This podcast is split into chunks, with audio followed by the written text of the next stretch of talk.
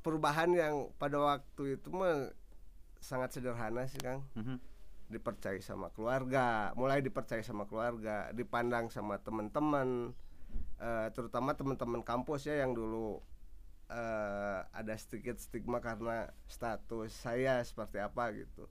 Tapi ketika saya pulang dari sana mereka juga berpikiran mana keren oge eh, jelema nu positif tapi bisa ngebanggakeun Indonesia gitu nah hal-hal kecil sih yang membuat semangat baru gitu buat saya merubah sudut pandang teman-teman yang belum mengetahui informasi HIV bahwa seorang dengan HIV itu bukan hanya tulang, kulit dan kentut gitu, Mhm. tapi bis- masih bisa produktif ya salah satu contohnya mungkin saya dan teman-teman yang lain gitu.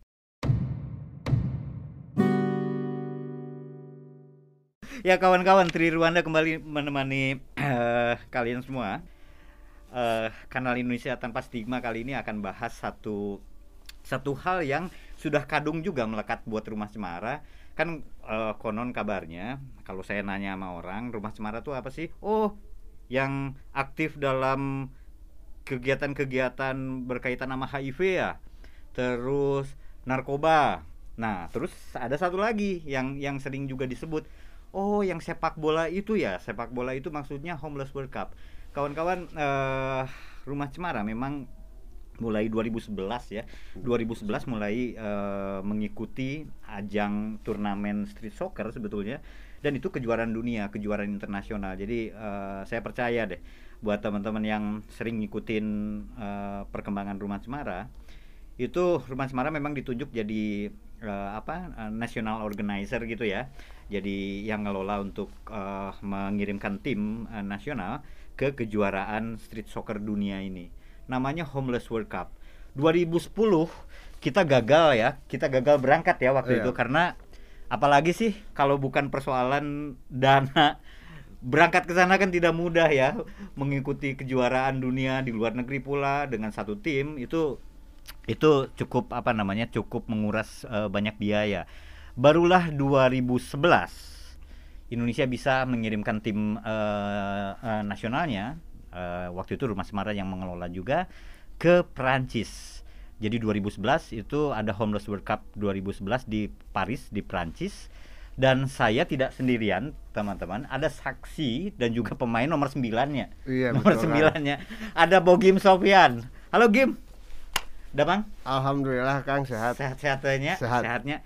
Bogim ini eh, kawan-kawan ngikutin betul dari perjalanan awal bagaimana bagaimana tim nasional ini ngumpulin duit nyari talenta pemain ya. Betul.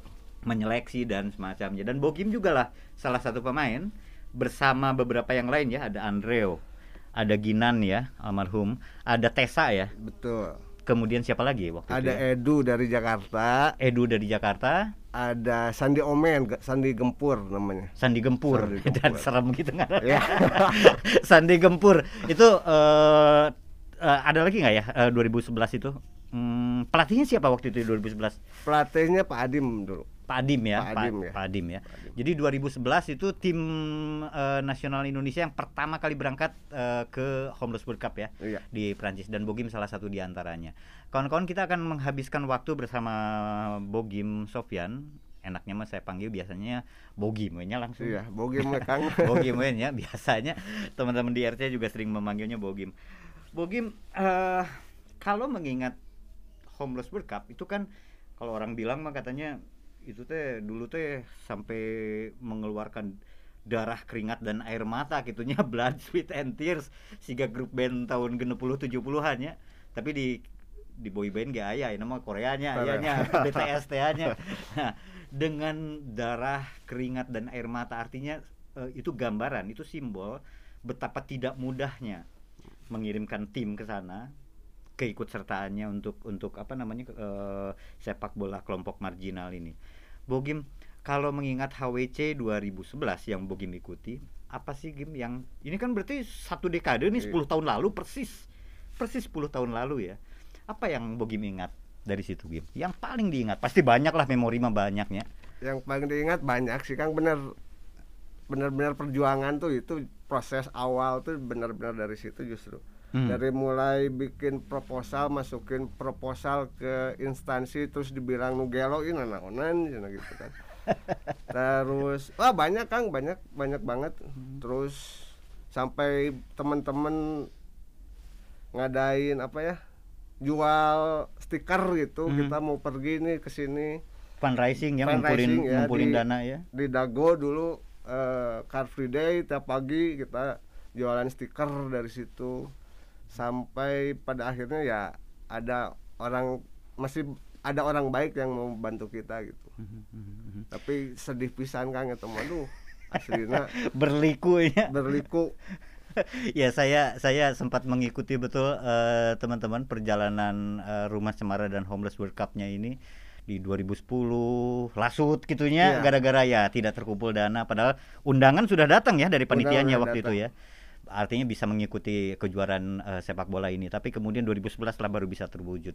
Dan sebagai informasi saja kawan-kawan eh, Homeless World Cup ini eh, meskipun tajuknya adalah Homeless World Cup dia eh, betul bahwa yang diprioritaskan adalah mereka yang tunawisma ya. Betul. homeless ya tapi ya diartikan lebih lebih luas lagi menjadi mereka yang memang tidak beruntung. Kelompok-kelompok marginal. Siapakah mereka? Salah satunya ya kalau eh, cara pandang rumah cemara melihatnya orang dengan HIV Betul. termasuk di dalamnya. Pengguna nafsa narkoba ya. Itu termasuk di dalamnya. Atau kelompok-kelompok orang-orang miskin lah ya yang di perkotaan yang mungkin dia buruh mungkin dia pokoknya mereka yang sering kali terpinggirkan secara sosial dan ekonomi gitulah nyabogimnya kurang lebih. Jadi Indonesia memberangkatkan timnya ah, Homeless World Cup 2011 dan Bogim adalah salah satu anggota timnya. Bogim di 2011 itu eh itu kan pertama kalinya nih kita mengikuti ajang sepak bola dunia ini. Itu apa sih raihan yang diperoleh waktu itu? Kan ber- seminggu ya pertandingan atau berapa? Kalau jumlah di Hmm. sana 15 hari sama perjalanan sih kang. Hmm, 15, hari. ya. Deketnya Eropa teh ayahnya Prancis teh ayahnya Aya kekarek ningali gitu. Oh iya benar Evel-Evel teh gitu. Sugan teh di Tasik gitu. iya biasa dibuka kan rada. nyalah Redang.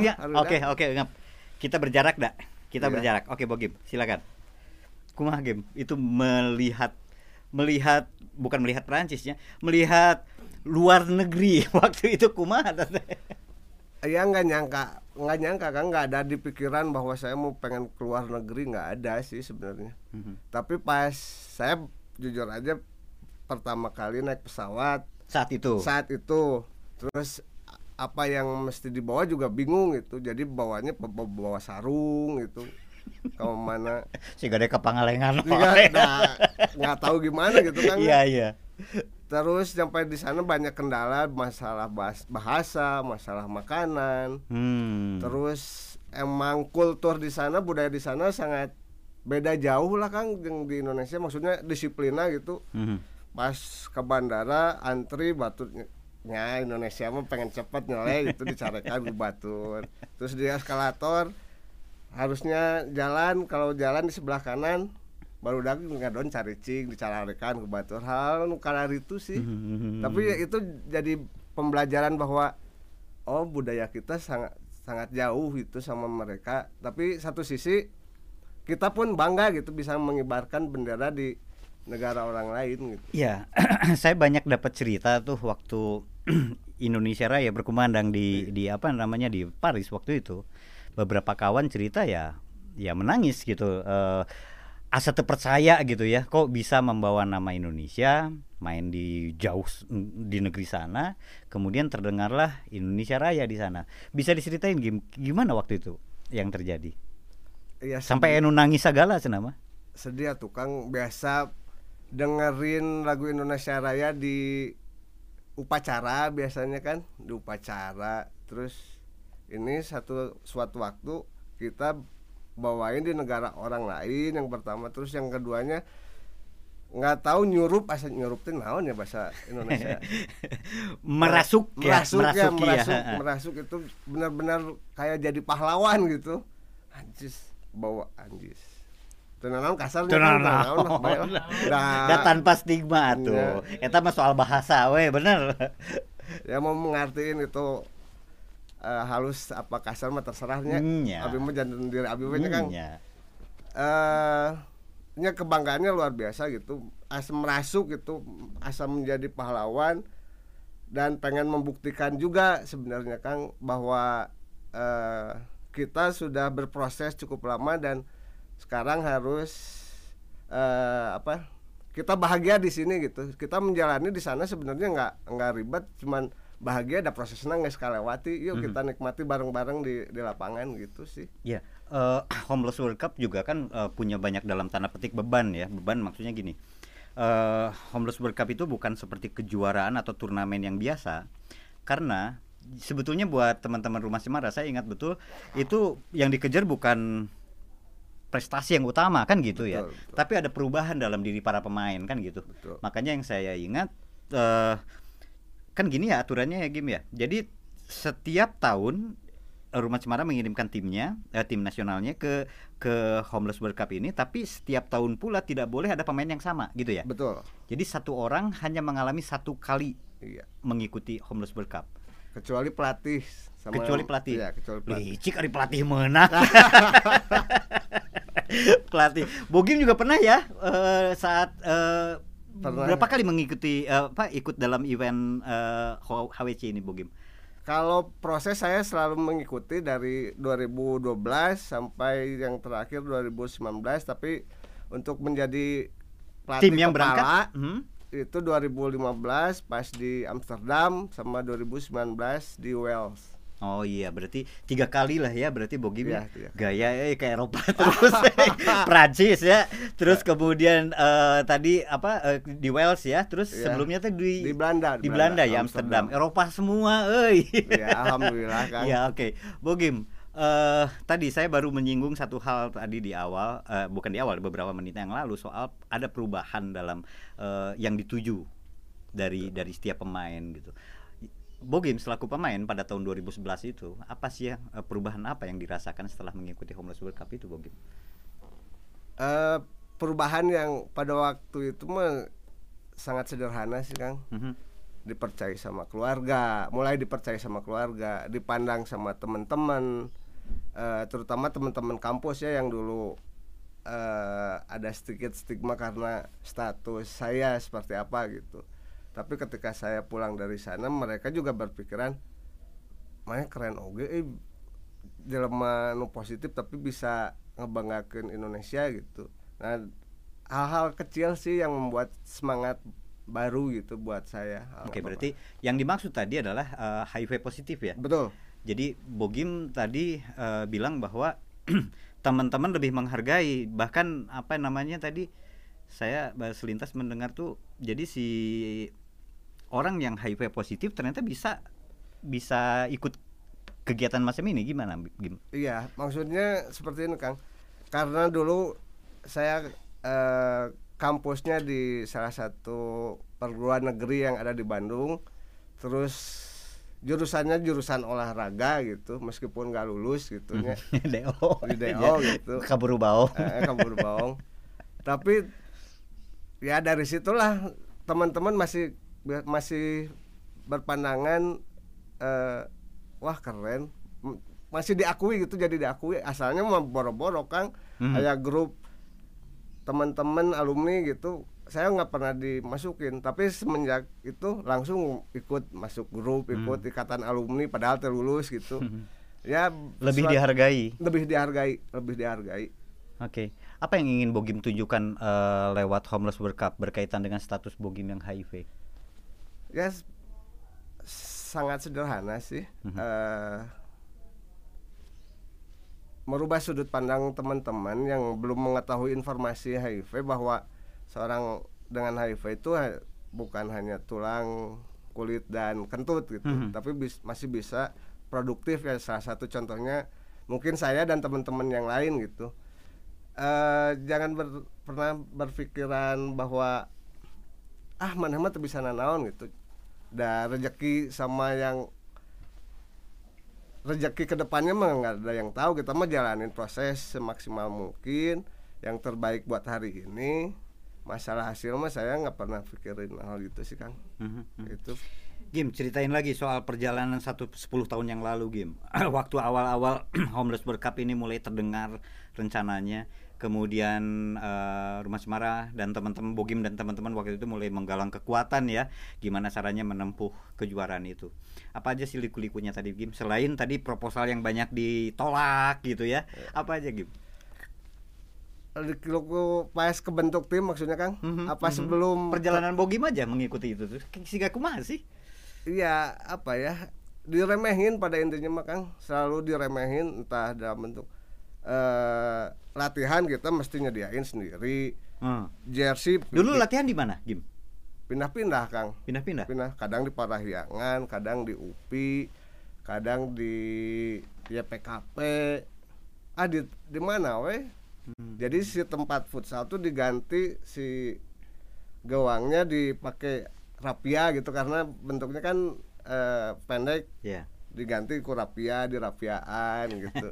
ah, ya nah mungkin sekarang mah udah ada lapangannya gitu jadi lebih lebih mudah gitu. Tapi kalau dulu prosesnya cukup berat gitu. Selain mencari biaya ya sarana latihan juga cukup kurang bahkan nggak ada. Yang ketiganya eh, sudut pandang orang lain masih sangat jauh gitu. Ketika apa sih ini? Naon sih mau Indonesia? Tapi jalan mana kararia masih banyak yang seperti Karena itu teh maksudnya ada yang HIV. Ya karena di proposal itu kita mencantumin bahwa kita berangkat mewakili Indonesia at- eh, dengan latar belakang seperti yang tadi Kang. Tri HIV positif ya, Ya. kemudian juga pengguna nafsa Betul. gitu ya, dan kemudian eh, kelompok miskin kota ya dulu istilahnya ya, Betul. mereka yang memang terpinggirkan secara ekonomi. Jadi kelompok-kelompok marginal ini kawan-kawan yang memang apa namanya menjadi eh, aktor penting di dalam Homeless World Cup eh, yang mewakili Indonesia waktu itu. Eh, raihannya waktu itu seingat saya kalau dilihat dari peringkat itu ke-6 ya Bogim ya. Iya kan Paris Kang. Prancis itu Kan. ke-6. Nah, Bogim, di Paris itu apa sih kejadian yang paling mengesankan buat Bogim selain tadi ya terharu mendengar Indonesia Raya? Individu nih Kang. Ah, individu. Apa tim? Individu aja. Individu saya nggak awalnya naonnya masalah boker sih Kang. Kunaon gitu. Gimana kan- itu ceritain? boker harus pakai tisu gitu Kang ya. Terus tempat boker di dia showernya sebelah ditu gitu. Jadi pun boker teh pasti we kudu mandi saya mah Kang. Karena Ya karena ku tisu asa terbiasa gitu kan. Iya, iya, jadi iya, pakai iya. shower belah ditu gitu kan. Eh, jadi kaguyur gitu kan kan mau nggak mau ah saya mandi sekalian. Mandi sekalian ya. Jadi mun boker pasti kudu mandi gitu. Jadi semua anggota tim hafal si Bogim mun katinggali habis mandi berarti baru boker ya, gitunya. gitu benar benar Kang. Oke, sisi lain dari Homeless World Cup yang yang orang nggak tahu ya Bogim ya. Nah, apalagi Bogim cerita tentang ini tim kalau tim itu setahu saya banyak tuh liku-likunya ya waktu itu. Apalagi Iya. kalau tim kita secara tim belum pernah difoto bareng komplit Kang. oh ya? Iya, karena ya kita bawa satu kamera, jadi giliran satu tim pasti nggak ada satu orang, karena giliran itu tuh ya nggak ada yang mau tahu gitu. Kan bisa tuh minta minta orang lain bang motretkeun siga di dia gitu. Ya itu pun ada, kalau ada yang mau minta bia- eh, terakhir terakhir pertandingan ada dubes yang datang baru minta foto kita Hmm, bareng. bareng Tapi kalau polos gini mah kan ah cepret-cepret we baru udah kumpul-kumpul foto. Pasti. Jadi selalu ada satu orang yang kurang ya, Iya, karena yang satu. motret gitu ya. Nggak betul. pernah komplit ya. nggak pernah komplit. nggak pernah komplit dan setahu saya eh, kawan-kawan kalau dibuka lagi deh pemberitaan-pemberitaan tentang olahraga atau tentang rumah cemara di 10 tahun lalu itu sampai kemudian almarhum Ginan Kusmayadi itu saking senengnya ya bisa berang memberangkatkan tim ke Prancis waktu itu Nazar ya waktu itu ya Betul, Bogim ya Betul. Nazar jalan kaki dari Bandung ke Jakarta ya Betul. Bogim terlibat dalam proses waktu itu ya Iya, saya ikut mendampingi eh, proses jalannya sampai eh, finish gitu, Kang. Mhm. Gitu. Eh, bisa diceritakan Bogim waktu almarhum eh, waktu Ginan jalan Bandung Jakarta waktu itu seperti apa sih mungkin sambutan orang atau situasinya Sedih, Kang, sedih kalau ngomongin masalah itu karena saya tahu awal prosesnya tahu gitu ya. Dari awal pemberangkatan kita juga satu sisi senang nih kita dapat eh, sumber dana buat Iya. pergi, tapi satu sisi lagi eh, seminggu sebelum ke per- pergi ke Paris kita harus ngejalanin nazar ginan itu gitu. Mhm. Eh, awalnya kita empat hari sih Kang awalnya proses jalan kaki Bandung Jakarta. Tapi kita bisa tembus eh, dua hari tiga malam. Jadi cu- cukup cepat gitu. Mhm. di tengah jalan banyak kejadian yang udah mulai terutama pas di daerah Bogor. Udah ngerasa lemas gini. Saya bopong sambil jalan yuk kita istirahat dulu bos. Mhm. saya panggilnya bos. Mhm. ayo bos istirahat dulu. Kagok kagok kagok. Satu sisi saya pengen dia istirahat tapi keyakinan dia yang tambah eh, semangat gitu. Jadi kita dibagi tim. Ada tim pendahulu. Nah tim pendahulu di sana cing support ka iya gitu ka warga mun aya nu jalan kan dia ayo semangat semangat. Dan itu menjadi pemicu dia jadi tambah lagi dorongan untuk ya tetap tetap bisa apa bisa jalan bisa bergerak gitu ya Iya betul. Pas finish kan kan disambut sama teman-teman dari Depok tuh, Depok Mhm. Jakarta disambut gitu. Disambut dari situ Ginan bilang ke saya 100 meter sebelum finish orang sprint baturan orang Oke, hayu siap. Bogim nemenin itu? nemenin, saya dari jalan juga nemenin kan, Hmm. cuman eh kalau keadaannya udah goyang, saya ikut jalan gitu. Nah, kalau stabil masih stabil, ya biarin sendiri gitu. Nah, pas proses mau finish itu sprint sprint itu sprint dan benar-benar sprint kan karena kita nggak aja nggak ada penunjuk jalan arah ketika pas batas batas kota beres, beres pas ningali selamat datang Jawa Barat ah nah di Jawa Barat salah. Salah salah kang. Salah muter gitu kuduna lewat ka dia iya lewat ka dia. Jadi selamat datang Diulang deui. Balik lagi itu kang. Balik lagi. Balik lagi. Dan itu benar terus sprint. Berapa kilo? Ada sekitar 5 kilo itu kang. Balik lagi. Aduh saya teh salahnya. Salah. padahal ge semangat ya. Udah semangat. Artinya kan mau berakhir ya. Iya. perjuangannya maksudnya eh, nazarnya itu akan berakhir tapi salah. Iya. Kan ada diulangi tugunya, lagi kan. Ada tugunya gitu. Tugu Oh, perbatasan ya? tugu perbatasan. Wah tugunya udah dekat nih. Sprint udah nyampe. Pas finish oh Anjir, selamat salah. datang Jawa Barat. Ah salah muter arah dong kang. Balik lagi padahal tempatnya di situ-situ juga cuman kita salah muter aja gitu. Ya. Oke singkat cerita waktu itu teman-teman. Eh, se- seingat saya dulu media juga banyak yang mengcover itu ya meliput eh, apa peristiwa itu ya. Banyak yang apa namanya ya acungan jempol lah untuk eh, Ginan dan kawan-kawan eh, yang berhasil melaksanakan nazarnya demi yang menunaikan janjinya ya. Kalaulah timnya ini bisa berangkat dia akan jalan kaki Bandung Jakarta dan, dan itu terwujud ya Iya. dan itu terwujud. Maka kemudian 2011 itu tadi Bogem udah membagikan sedikit cerita di balik eh, perhelatan Homeless World Cup itu. Waktu 2011 itu pert- eh, tim mana sih waktu itu yang paling berat dihadapi oleh eh, timnas eh, kita Bogem pasti yang pasti udah pasti mah Brazil kang. Brazil ya? Brazil.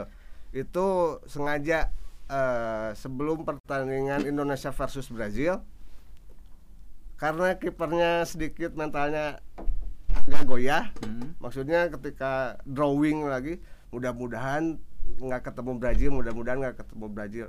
Nah pas di situ kita dipertemukan Brazil. Tapi ijabah eh, eh. tapi si kipernya nggak dikasih tahu kang. Sengaja takut jadi stres atau beban Oh. gimana sengaja nggak dikasih waktu itu tahu. kipernya siapa ya? Roni Hmm, Roni Roni ya? Roni ayah nggak dikasih tahu. Sampai pas pertandingan baru dikasih tahu lawannya Brazil. Dan itu benar sok benar kang. Kita sempat ketinggalan 3-0 sampai ditamparin itu. Tamparin maksudnya? Dicabokan biar apa? Si kipernya gak stres kang. Stres. Jadi Oh. nama besar mungkinnya kan nama besar Brazil gitu. Terus emang dari proses pemanasan kita pemanasan biasa dia mah udah juggling wah kegayaan gitu. Cywarnya Iya, cywarnya udah kena gitu. Dia udah udah ngedown duluan sampai pada babak kedua di sadar sadar. Orang mau Indonesia orang mau Indonesia. Nah di situ bisa membalikan keadaan jadi tiga tiga kang. Draw ya? Draw. Dan menit-menit akhirnya tetap LS sih. Kan tenan naon boga lakon ge eleh heula tuluy Iya. maotnya Oke, ya eh, Brazil waktu itu ya tim yang Brazil. paling apa namanya ya memang walau gimana pun kan yang namanya sepak bola entah entah itu lapang besar atau misalnya lapang kecil ternyata Brazil ya ya kumaha deui Brazil atunya iya ngaranna ge nya. Oh jadi dia dari awal juga udah cywar ya, juggling segala Iya, macamnya iya, di Kang. depan lawannya ya, Iya. calon lawannya ya. tong barok gitu kan tong maka juggling itunya batu mah peralatan teh komplit gitu Hmm. kalau di latihan teh pak kons yang lain-lain teh komplit bawa kayak fisioterapi kayak gitu si tim Oh, si- seperti timna- profesional ya. iya iya benar kan seperti profesional kita datang cuma delapan udah aja mawana naon. Bawa ge sarung. mau bawa juga sarung sama kopi ya kang atau kamu mana kita bawa ya. kopi ya Oke, Bogim, eh kalau yang lain, kalau saya ngebayangin tadi yang Brazil tadi itu kan berarti kok seperti sampai bawa tim medis segala gitu ya. Iya. Itu teh kok kayak tim profesional. Padahal kan ini homeless World Cup. Apakah mereka juga dari latar belakang yang sama atau gimana sih? ya karena kultur mereka juga dari sepak bola mungkin kan ya Mhm. di jalanan nggak sepak bola tapi yang jadi acung jempol itu justru dari pemerintahannya yang mendukung kalau menurut saya sih kan Hmm. pemerintahannya Tapi bahwa para pemainnya mah sama ya, itu Sama. dari kelompok-kelompok marginal juga sama, ya. sama ya Oke, dari kelompok marginal juga. Nah, Gim, dari 2011 itu yang sekarang balik lagi ke individu ya, ke pribadi ya, Bogim ya. Eh, setelah mengikuti ke, eh, apa Homeless World Cup untuk pertama kalinya tadi naik pesawat dan ternyata jauh lagi ke luar Iya. negeri gitu ya. Eh, pulang ke Indonesia dan itu 10 tahun yang lalu. Yang diingat hari ini apa sih Gim dari Homeless World Cup? Kangen aja kan rindu. Kangen rindu terus apa ya? Yang pasti kalau dengar homeless memori apa semangatnya tak muncul lagi cuman bentukannya yang berbeda gitu kan maksudnya aduh nggak ada yang menaungi lagi nih sekarang nih gitu. Maksudnya ayo kita gerak-gerak tapi nggak ada wadahnya lagi kalau menurut saya itu sih kang Nah itu dia, Bogim kan dari awal sampai ya Homeless World Cup yang terakhir-terakhir karena terakhir itu kan berarti 2019 ya. Iya. Karena 2020 tidak ada karena ada pandemi, Iya, ada betul. Covid ya. Kemudian 2021 juga belum tentu ya, mungkin nggak ada juga ya karena Iya. belum ada ya mungkin ya. Nah, Bogim kan dari awal sampai akhirnya Indonesia sampai masa-masa terakhir Indonesia ikutan Homeless World Cup itu juga ngikutin terus Bogim. eh apakah bahkan Bogim tuh pernah pernah ini ya pernah apa ikut menyeleksi juga ya pemain Iya. apa sih yang biasanya jadi ukuran menyeleksi pemain itu? Apakah karena jagonya skillnya atau apa Gim biasanya? Yang pertama dari eh yang tadi latar belakang latar Kang. belakang itu ya. Yang- itu yang paling utama itu latar belakang. Latar belakangnya harus yang yang HIV positif, HIV positif salah satunya ya pengguna pengguna narkoba Iya. ya.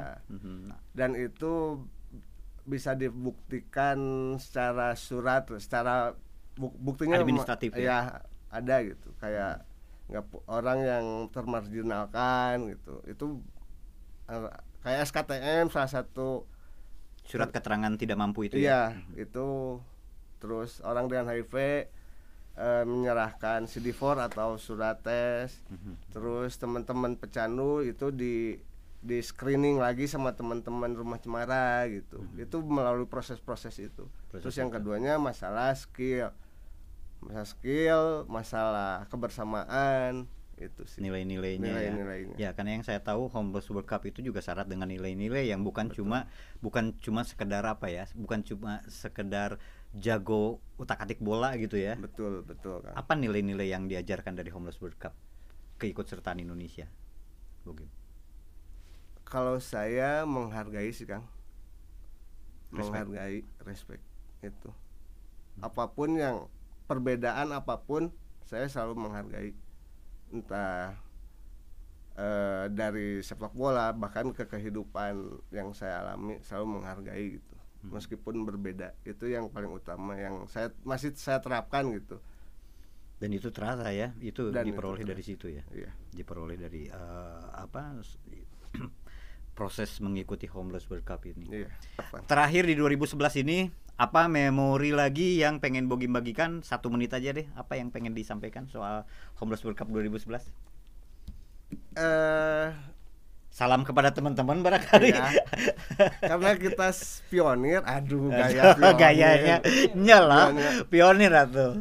ya sama teman-teman yang eh, seangkatan 2011 ayo kita kumpul lagi bareng terus Masih sering ada kontak nggak, Gim? sering Kang kontak sama teman-teman 2011 bahkan 2000 yang 19 kita sering kontak-kontak seperti itu ya mudah-mudahan ke depannya kita bikin lagi satu wadah ex pemain HWC kita bikin Siga paguyuban lah. ya seperti paguyuban kita bikin apa gitu bikin event atau bikin kejuaraan yang sama di daerahnya masing-masing mungkin ya Kang ya. Karena yang saya lihat 2000 ya tem ada teman-teman yang berkembang. Secara ekonomi juga ada Mhm, gitu. mhm, ada ya? ada ada Kang. Oke nanti itu kita bahas ya karena eh, menarik ya capaian-capaian setelah mengikuti itu ya. Apa Iya. saja sih yang perubahan apa yang dialami oleh seseorang kan gitu. Iya. itu kan yang dituju dari eh, homeless World Cup salah satunya.